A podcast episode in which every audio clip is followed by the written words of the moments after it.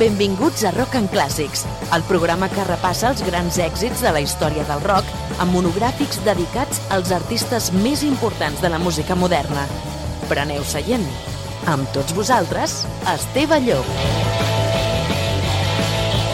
Estimada audiència, què tal com estem? Salutacions cordials d'Esteve Llop, un dia més. Gràcies per estar al nostre costat, per recordar, com fem cada vegada que estem davant dels micròfons, els grans clàssics de la música rock de tots els temps.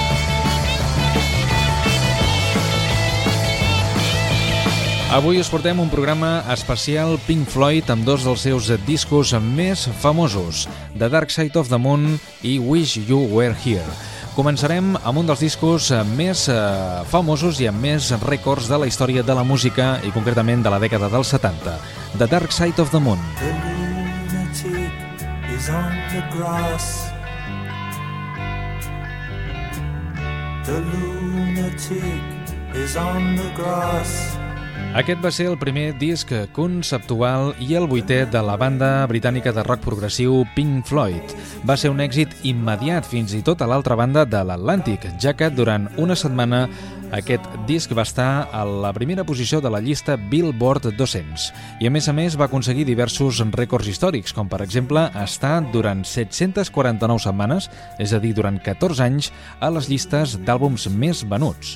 Amb una estimació de vendes de més de 45 milions de còpies, és l'àlbum més exitós de Pink Floyd i un dels més venuts a nivell mundial, al costat d'altres grans àlbums com per exemple Thriller de Michael Jackson.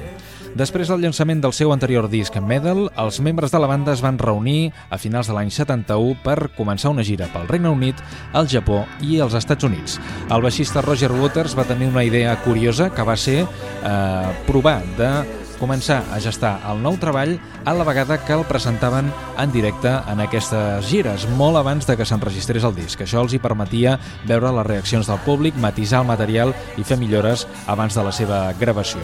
Pel que fa al leitmotiv del disc, es va tractar sobre coses que feien enfadar a la gent, enfocant-se en les pressions a les que es va enfrontar Pink Floyd pel seu estil de vida i pels problemes mentals que tenia l'antic membre i fundador de la banda Sid Barrett a causa de la seva addicció a les drogues. Els quatre membres van estar d'acord amb aquesta opinió, amb aquesta proposició de Waters i van començar a tocar eh, concretament a un magatzem que hi havia a Londres que pertanyia en els seus moments a Rolling Stones per començar a assajar les peces que posteriorment estrenarien en directe al Rainbow Theatre de Londres. Concretament el 20 de gener de 1972 va tenir lloc aquesta primera representació. Anem a escoltar ja els primers temes de The Dark Side of the Moon que comença amb les pulsacions d'un cor tocades amb el baix de Waters i que comencen a parlar doncs, aquesta vida humana tortuosa per alguns. Speak to Me és la introducció instrumental d'aquest disc, que segueix pel tema Breathe, i després ens hem permès de fer una petita edició, ens hem pres la llicència de retallar algunes eh, de les peces d'aquesta primera cara de The Dark Side of the Moon amb Time i després amb The Great Geek in the Sky. Anem a escoltar doncs aquests temes històrics de Pink Floyd des de la cara obscura de la lluna, The Dark Side of the Moon, Pink Floyd.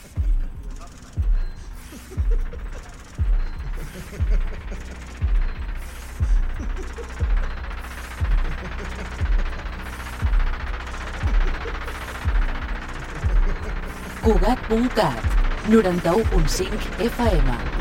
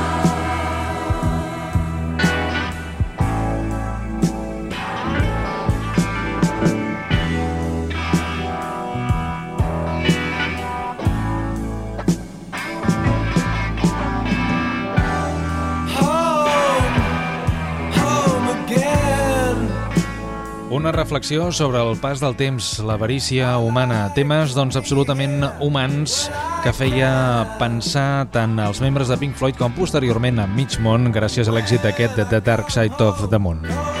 Hem escoltat els primers compassos de la primera cara, la cara d'aquest llarga durada, això sí, en la seva versió remasteritzada en CD de l'any 1992. Speak to Me, Breathe, Time i ara vindrà un tema magistral que es diu The Great Geek in the Sky. Un disc que es va enregistrar entre maig de 1972 i gener de 1973 amb el tècnic de so Alan Parsons al capdavant de les gravacions, cosa que li va fer trobar en aquest disc una qualitat de so excepcional que va ser molt lluada i que va aconseguir un Premi Grammy per aquest fet el 1973. Escoltem ara la veu de Clary Torrey en aquest The Great Geek in the Sky, una de les col·laboracions que apareix en aquest llarga durada dels britànics Pink Floyd.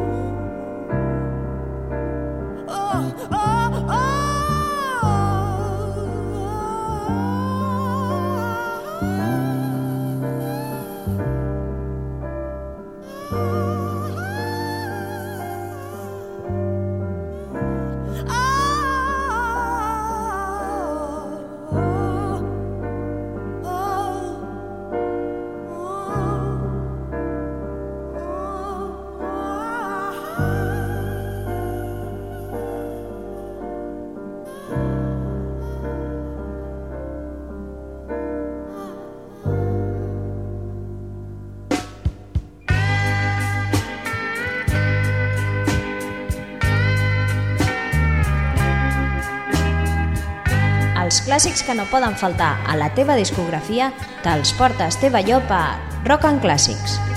Aquest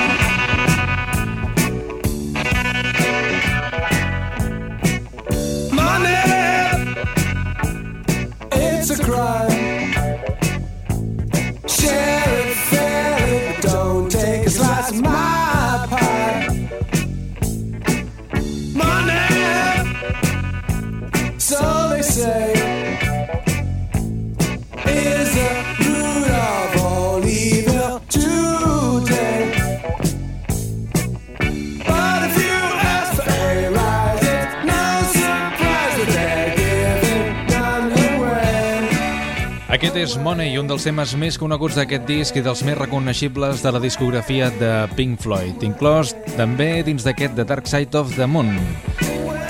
A nivell instrumental, aquest disc és conegut per efectes de so doncs, una mica estranys per l'època i és que la banda va experimentar amb un uh, sintetitzador, un uh, B-C S3 en diverses cançons del disc.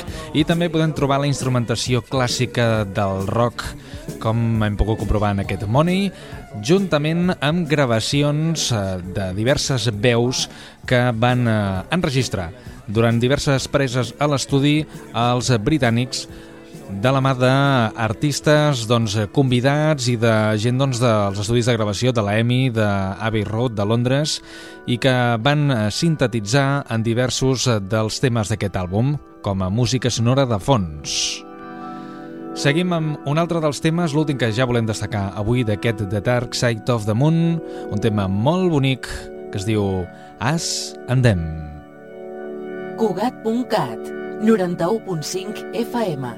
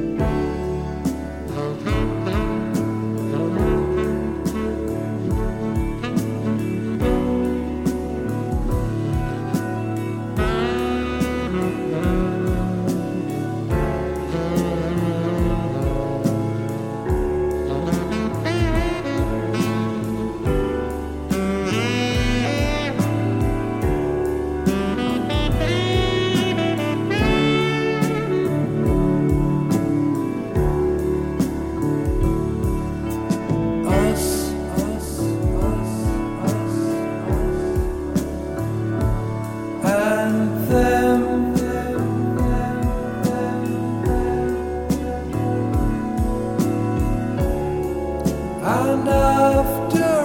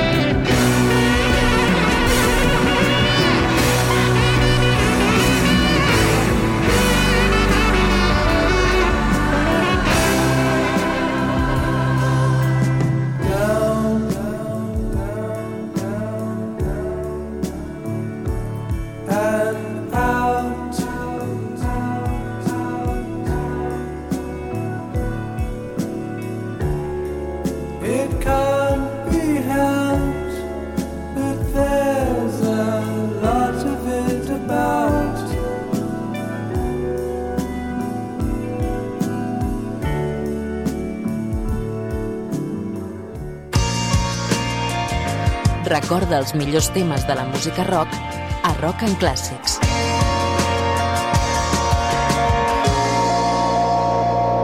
I aquí el programa, el Rock and Classics, ara és el moment de donar la benvinguda al segon treball de Pink Floyd que avui volem destacar. Un disc que es deia Wish You Were Here. Nobody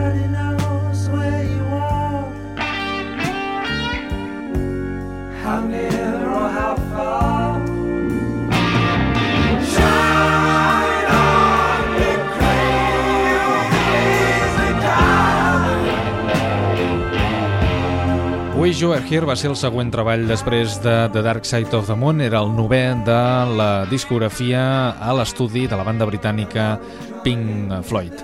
Va ser també un èxit immediat. De fet, la seva companyia discogràfica, EMI, ni tan sols va poder editar les còpies suficients per a satisfer la demanda inicialment. Per eh, la popularitat que té, està posicionat al lloc número 209 de la llista dels 500 millors àlbums de la història que va fer fa uns anys la revista Rolling Stone.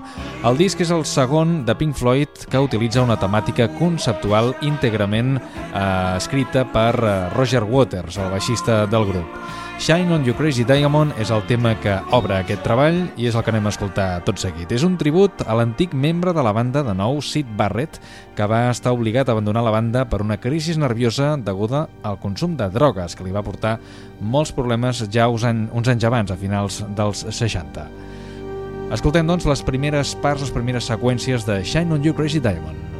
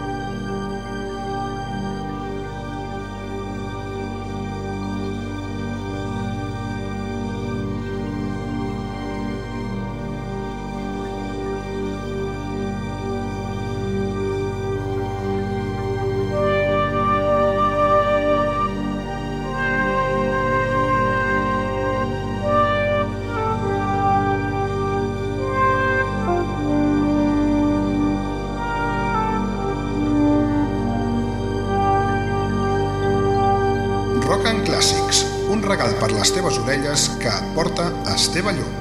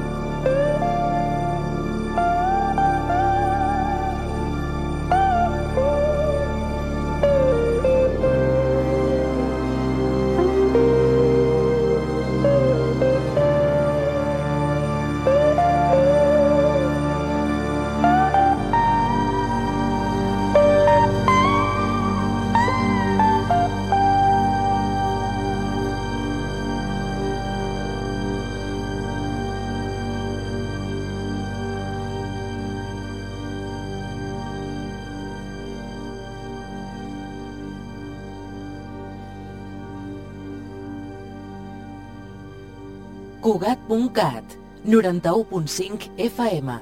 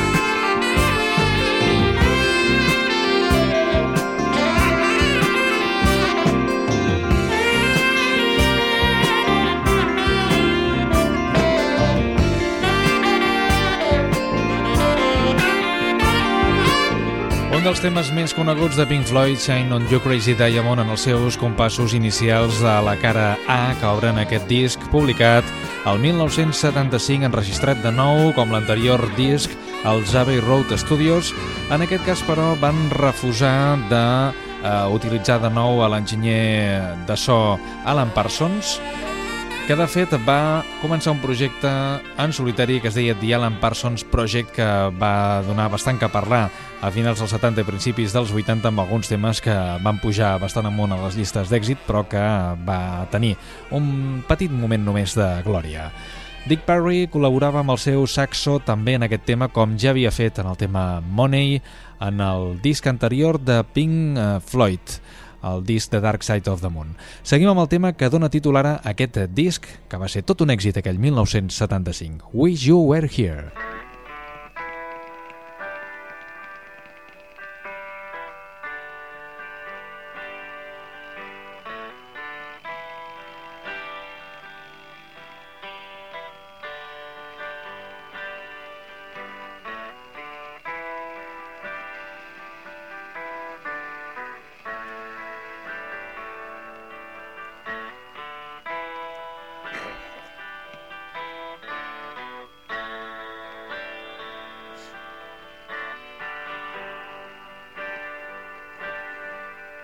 Els números 1 del rock de tots els temps. Rock en clàssics.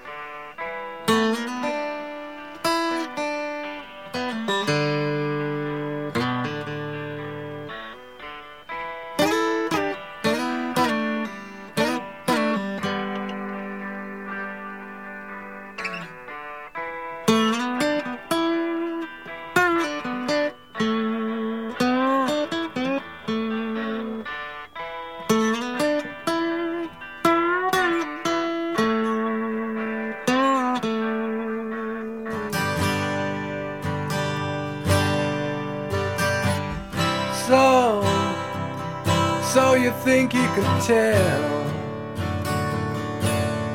heaven from hell, blue skies from pain? Can you tell a green field from a cold steel rail? A smile from a veil. Do you think you can tell?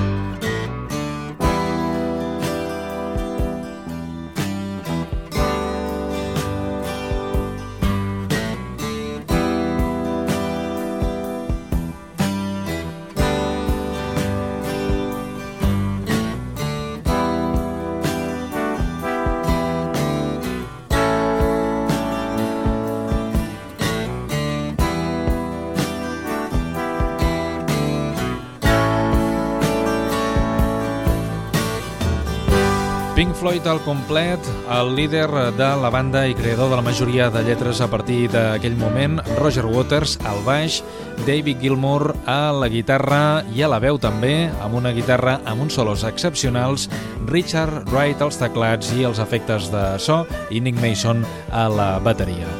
Des del de tema que donava títol a aquest treball de 1975, Wish You Were Here, amb el qual arribem al final del nostre programa d'avui. Abans de marxar us volem recordar les nostres vies de comunicació. Envia un correu electrònic a rockclassics2010 arroba gmail.com A les xarxes socials d'una banda, Facebook. facebook.com barra rockandclassics.esteballó I també estem al Twitter. twitter.com barra rocknclàssics. En el proper programa anem a passar una mica de fred, anem cap a Islàndia amb la islandesa Björk per recordar els grans clàssics de la seva discografia. Marxem amb el tema que encetava la cara B de Wish You Were Here, amb el vocalista Roy Harper, Have a Cigar. Adéu-siau.